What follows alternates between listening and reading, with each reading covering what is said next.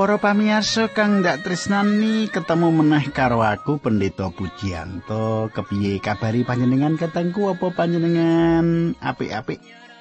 Panjenengan dijangkung dening Gusti lan panjenengan saiki lagi nampa kewarasan nampa berkah Gusti. Aku lagi wae ngaturake panuwun marang salah sawijining sedulur kang ngrungokake margi utami iki ngirimake duit. Wah, kagem peladosanipun Pak Puji. Nggih, matur nuwun banget. Nggih, kanggo pelayanan Gusti berkahi.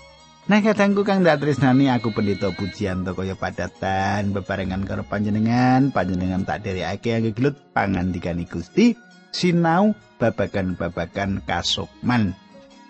Panjenengan bakal tak derekake ana ing sadurunge adicara margi utami adicara kang wis dadi kelangenan panjenengan lan panjenengan anti-anti. Sugeng midhangetake adicara iki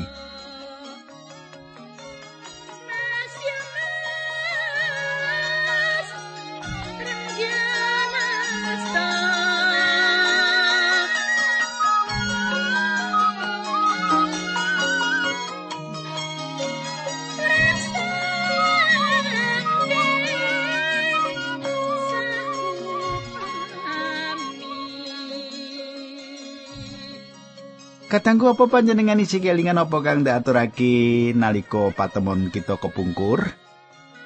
Nalika patemon kita kepungkur, kita wis nyemak paukuman kang kuduni ditampa kanggo anak kang bangkang marang wong tuani.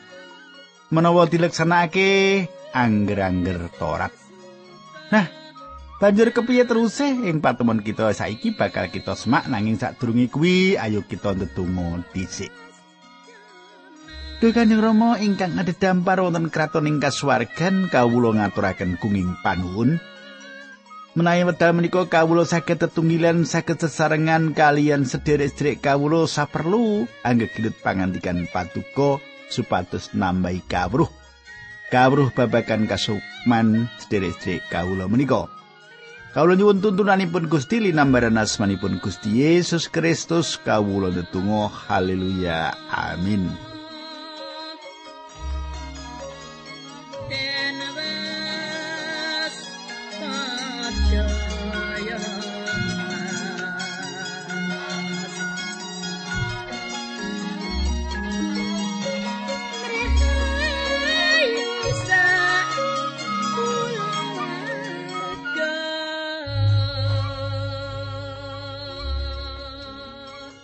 Para pamirsa, pasinan kita ing dina iki wis ngancik ing kitab pangandaring Torat bab selikur.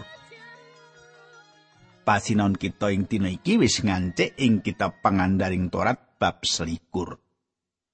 Saiki kita duwe prakara kang aneh gegayutan karo wong kang gantung wong liya ing wit-witan. Dadi ana wong kang gantung pepadane ana wit-witan. Coba panjenengan semak pengandikane Gusti pengandaring Torat bab selikur ayat 23 nganti 23 tak wacake ing basa pedinan.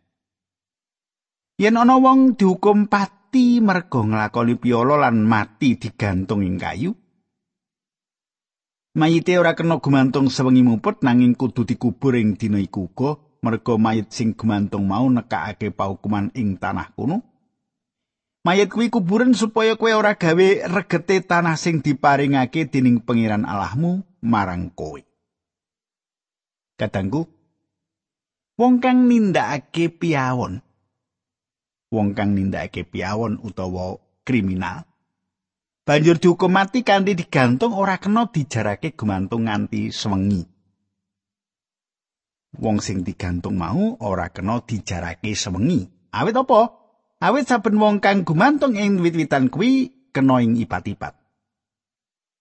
Kanggo kita aneh banget angger-angger kang mengkono disebutake ana ing kene. Aneh, angger-angger mengkono kok disebutake ana ing kene. Wujud paukuman pati kang digunakake ing Israel kuwi dibenturi watu nganti mati. Israel sakbenere ora nggunakake paukuman gantung, gegayutan paukuman pati. Dadi kang dikarepake ing kene yaiku wong kang wis dibenturi watu banjur digantung ing wit-witan. Paukuman kang mengkene kuwi diterapake marang wong kang nggone tumindak ala kuwi wis abot banget lan supaya bisa dideleng yen wong kuwi wis mati akibat saka dosane kang gigirisi. Paukuman kang mengkono kuwi bakal dadi pepiling tumrap wong liya. Layone kudu diudunake saka wit mau lan ing bengi kuwi lan dikubur. Kang dadi jalarane yaiku wong kang duwe tumindak ala kuwi diipati-pati dening Gusti Allah. Katanggu. Bisa uga Musa ora krasa lan mesti wae wong-wong Israel ora krasa apa kang dadi maknane kang sak benere saka paugeran iki. Ing layang Galatia 3 ayat 13 Paulus metik pratelo ing sadurunge angger-angger Torat iki lan diterapake ing Sang Kristus. Mangkene tulisane. Nanging Sang Kristus wis nebus kita saka laknate angger-angger Torat srana nyanggi laknat sing sak temene kudu kita sangga. Kaya sing dingendikake dening kitab suci, kena ing lanat saben wong sing kapentang ana ing kayu salib. Nalika Gusti Yesus isih sugeng ing jagat. Panjenengane dipasrahke marang panguwasa Rom supaya dihukum pati. Awit Rom kang dadi panguwasa ing daerah kono, mula paukuman pati mung bisa ditindakake dening pemerintah Rom. Gusti Yesus disalib nganggo salib Rom. Paulus metik prakara kuwi lan ngandhake yen nalika Sang Kristus gumantung ing kayu salib. Panjenengane lagi nanggung dosa-dosa kita lan dilaknat dening Allah ana ing kahanan kang kaya mengkono. Apa paukuman kang dilakoni Gusti Yesus kuwi awit apa kang wis ditindakake Gusti Yesus? Ora. Gusti Yesus dadi wong kang dilaknat kanggo kita, kanggo nebus kita saka laknate angger-angger Torat. Gusti Yesus nebus kita lan laknate dosa. Panjenengane nebus kita saka paukuman dosa lan panjenengane wis nuku pangapura kita. Kenapa? Awit panjenengane kena laknat kanggo kepentingan kita, kepentingan aku lan panjenengan. Banjur apa wong Rom utawa wong Yahudi kang kudu diluputake gegayutan karo sedane Gusti Yesus? Ora. malah sakbenere panjenengan lan aku kang tanggung jawab atas sedani Gusti Yesus. Sang Kristus didadekake laknat kanggo kita, ya iki kang ditindakake panjenengane kanggo kita ing kayu salib. Kang agawe kita kudune tanggung jawab atas sedani. Katangku kang ndak tresnani, kita mlebu ing pangandaring Torat bab 22. Kita mlebu ing pangandaring Torat bab 22. Pasal iki nuntun kita marang perangan liya saka kitab pengandaring Torat. Kita wis nyemak anggone baleni lan nafsirake 10 dawe Gusti Allah ana ing pasal 5 lan 7. Sebanjure ana pepakon bab agama lan panguripan bangsa ing pasal 8 nganti selikur. Saiki kita tekaning pepakon-pepakon sadurunge keluarga lan gegayutan pribadi ing pasal 22 nganti 26. Gusti Allah nuduhake akeh saka pepakon-pepakon iki marang bangsa kuwi. Saiki panjenengane tekaning bab kang pokok ing ngendi umat urip kanthi pepakon kang gegayutan karo sambung rapete keluarga lan pribadi wong-wong mau. Saiki panjenengan semak ayat siji loro bab rolikur pengandaring Torat. Yen kowe weruh sapi utawa wedhuse wong Israel kesasar, aja etok-etok ora weruh nanging tuntunan menyang panggonane sing duwe. Nanging yen sing duwe omahe adoh utawa kowe ora weruh omahe kewan mau gawanan mulih menyang omahmu yen sing duwe teko goleki kewan mau pasrahno. Kadangku saiki kita wis krungu akeh prakara bab kawicaksanan urip tetanggan kang apik lan kita ndeleng Gusti Allah agawe kawicaksanan bab urip tetanggan kang apik kanggo umat kagungane ing jaman semono. Kawicaksanan tetanggan kang apik kuwi padha tuwane kaya Musa. Malah sak luwih tuwa banget tinimbang Musa. Pikiran kuwi bisa dilacak, bisa digoleki bakal bali marang damparing Gusti Allah ing sajroning kelanggengan.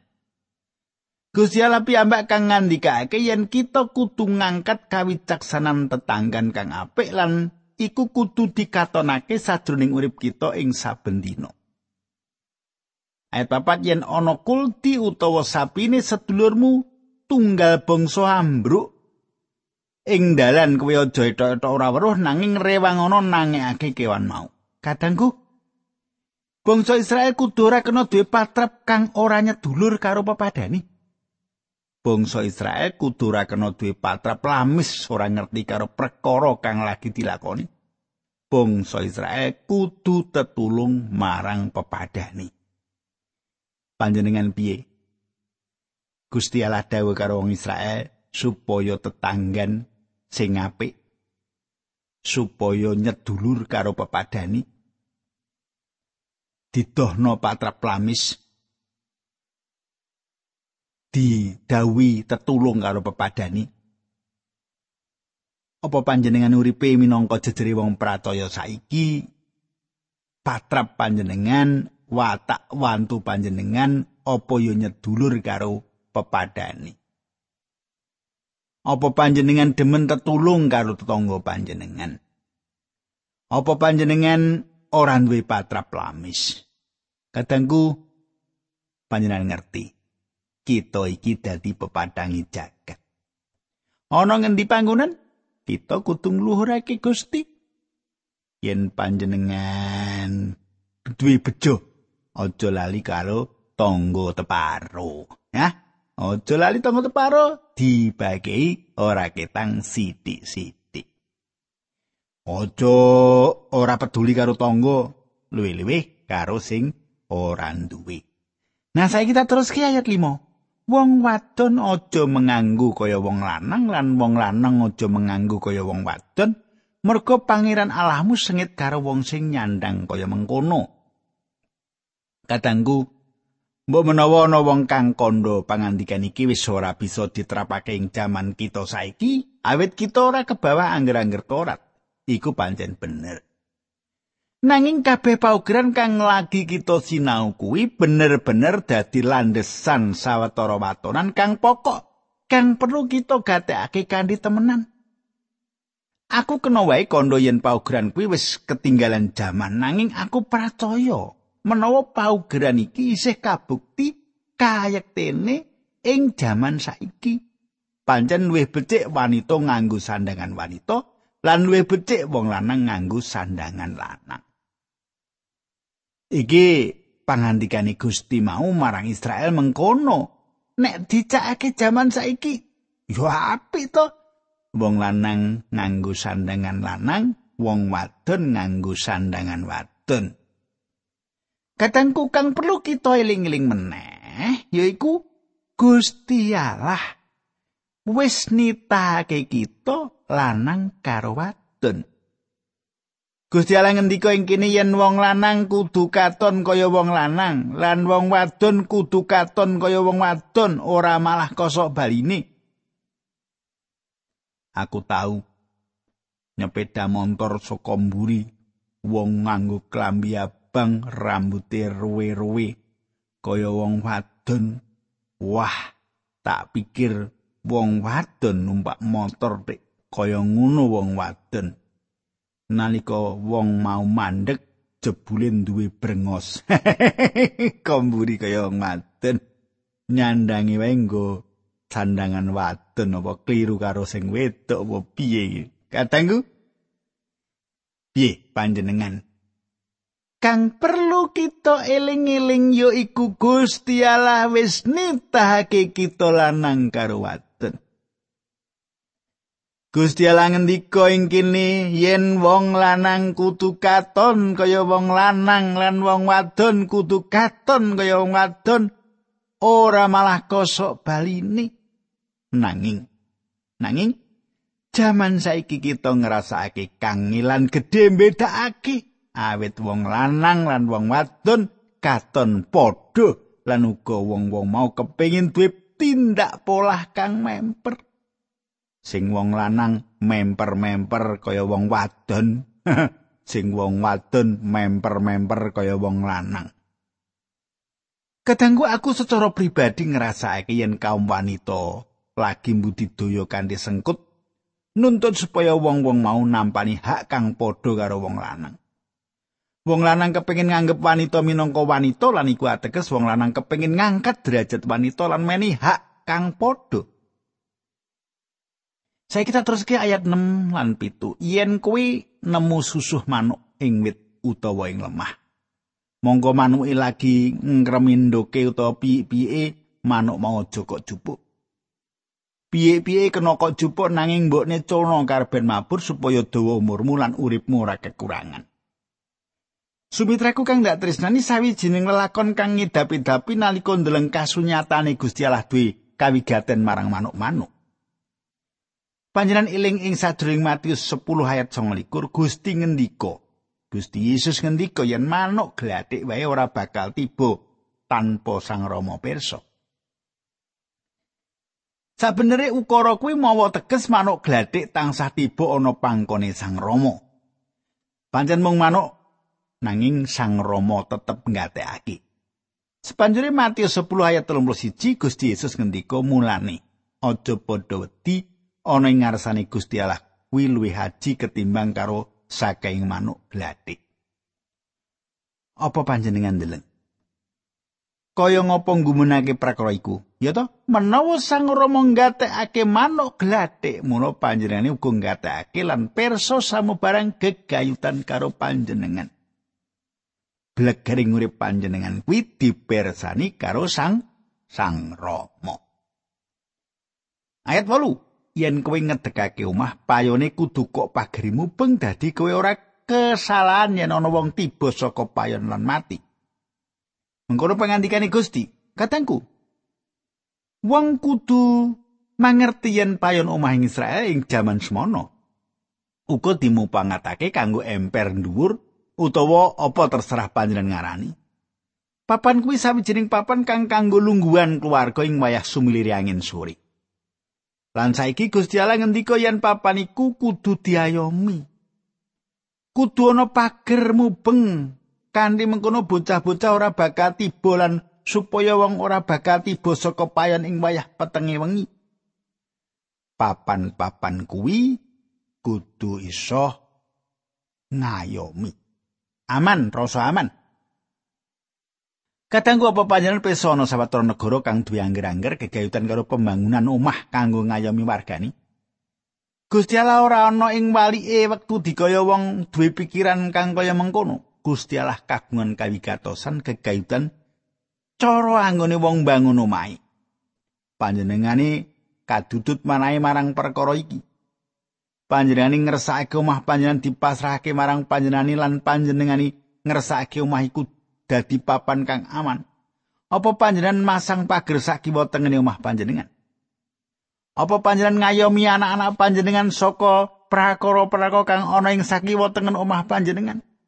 Akeh wong kang ngejarake anak-anake lunga ninggalake omah lan malah ora ngerti ana ngendi anak-anake. Akeh bocah kang lunga dolanan ing dalan utawa ing kumpulan bocah-bocah pager kanggo ngayomi ora ana ing kono kaya kudune ana ing sajroning omah-omah modern. Ayat 9 lan 10. Aja nandur tanduran liya jejer karo witmu anggur. Yen maksa kok tandur kuwi aja ngunduh wewet mau utawa wae anggurmu.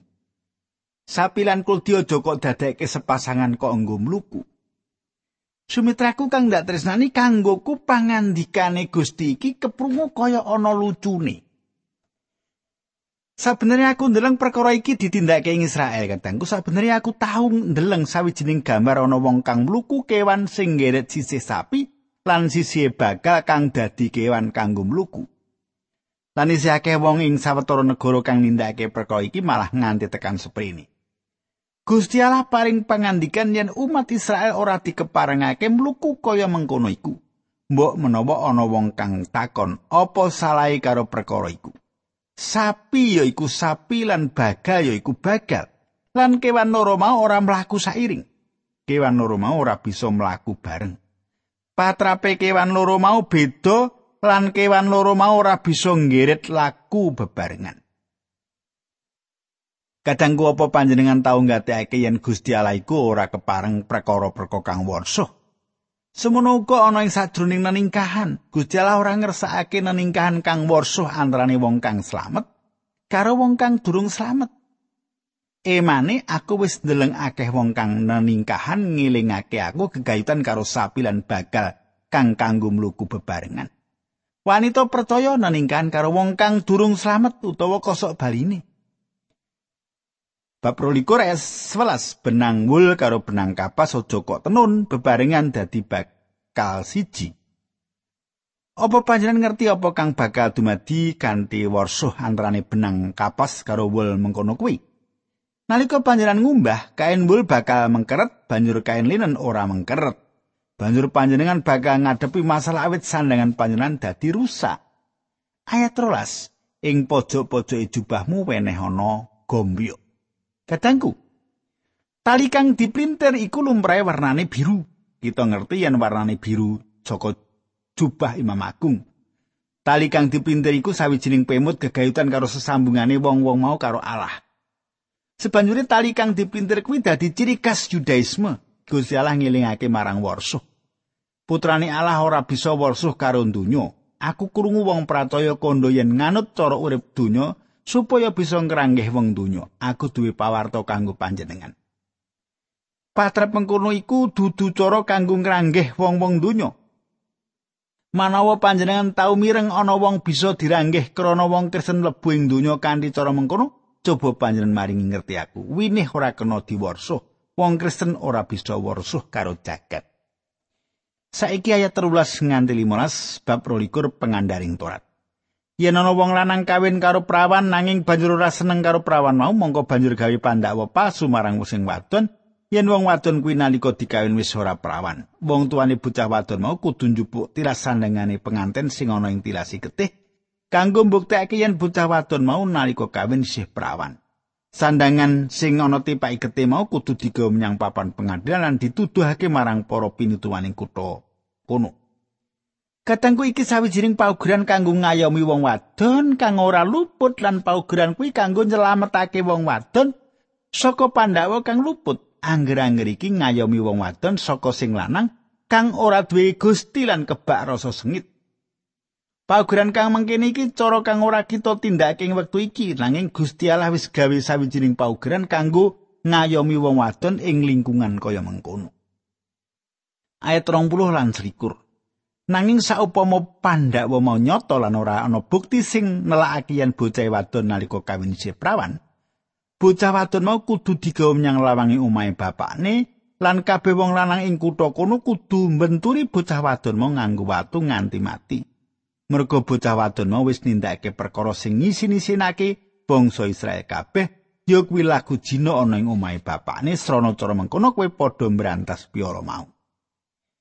Kadangku menawa prawan mau luput mula dheweke kudu dibenturi watu jaman saiki wong rembug bab moralitas anyar lan nganggep seks pisah karo neningkan lan iku sawijining langkah kang maju jarine.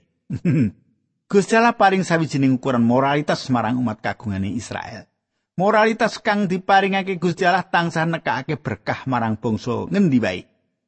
Bangsa ngendi wae kang wis nerak paugeran iki bakal tambah mundur Nalika aku ngegirut perkara iki lan nalika aku mbayangake kahanan bangsa kita, aku nangis. Kabawah paugerane Allah marang Israel, wong kang luput awet nindakake jina bakal dibenturi watu nganti mati. Apa iku wong lanang utawa wong wadon? Menawa kita nindakake paugeran iku ing negara kita mula bakal akeh banget tumpukan watu nganti kita ora bisa lewat ing kono yen kita nggawa mobil. Gusti Allah ngajeni naningkahan lan Gusti Allah ngajeni murnine naningkahan. Laku Cina ing Israel. Kudu dipatrapi paukuman kabenturi watu. Paukuman mengkene iki meratelake kepiye rasane Allah gegayutan karo laku Cina iku. Panjenengan eling yen katresnane Allah marang umat kagungane dipratelake ana ing sajroning paugerane. Paugeran iki meratelake bab pangayoman marang kasucene neningkahan sawijining patuladan kang apik banget gegayutan karo katresnan lan kawigatene panjenengane marang keluarga manungsa. Kadangku tak cukupi semene dhisik jane tak teruske nanging dina candhake wae supaya longgar ngono ya. Nah katangku kita bakal ndedonga sadurunge ndedonga aku bakal ngaturake salam marang Bapak Parta Karyana ya. Bapak Parto Karyana Kulo dipun berkahi pangandikani Gusti ingkang dipun lantaraken panjenengan. Kanthi makaten keluarga kula saestu wonten ing kahanan tentrem, Pak. Kula sampun nilaraken gesang ingkang lami awit kula nderek Gusti Yesus. Matur nuwun Pak Parta Karyana, nggih. Gusti berkahi panjenengan, wungunipun panjenengan saged nangkep ucalan-ucalan basa Jawi ngaten menika nggih. Nah katangku, ayo kita ndedonga bebarengan. Kanjeng Rama ing swarga kawula ngaturaken gunging panuwun pangandikanipun Gusti sampun kawedharaken Gusti berkahi lan njebati sedherek kawula ingkang samenika mirengaken pangandikan paduka lumantar adicara margi utami menika. Dinambaran asmanipun Gusti Yesus Kristus kawula tunggu haleluya amin.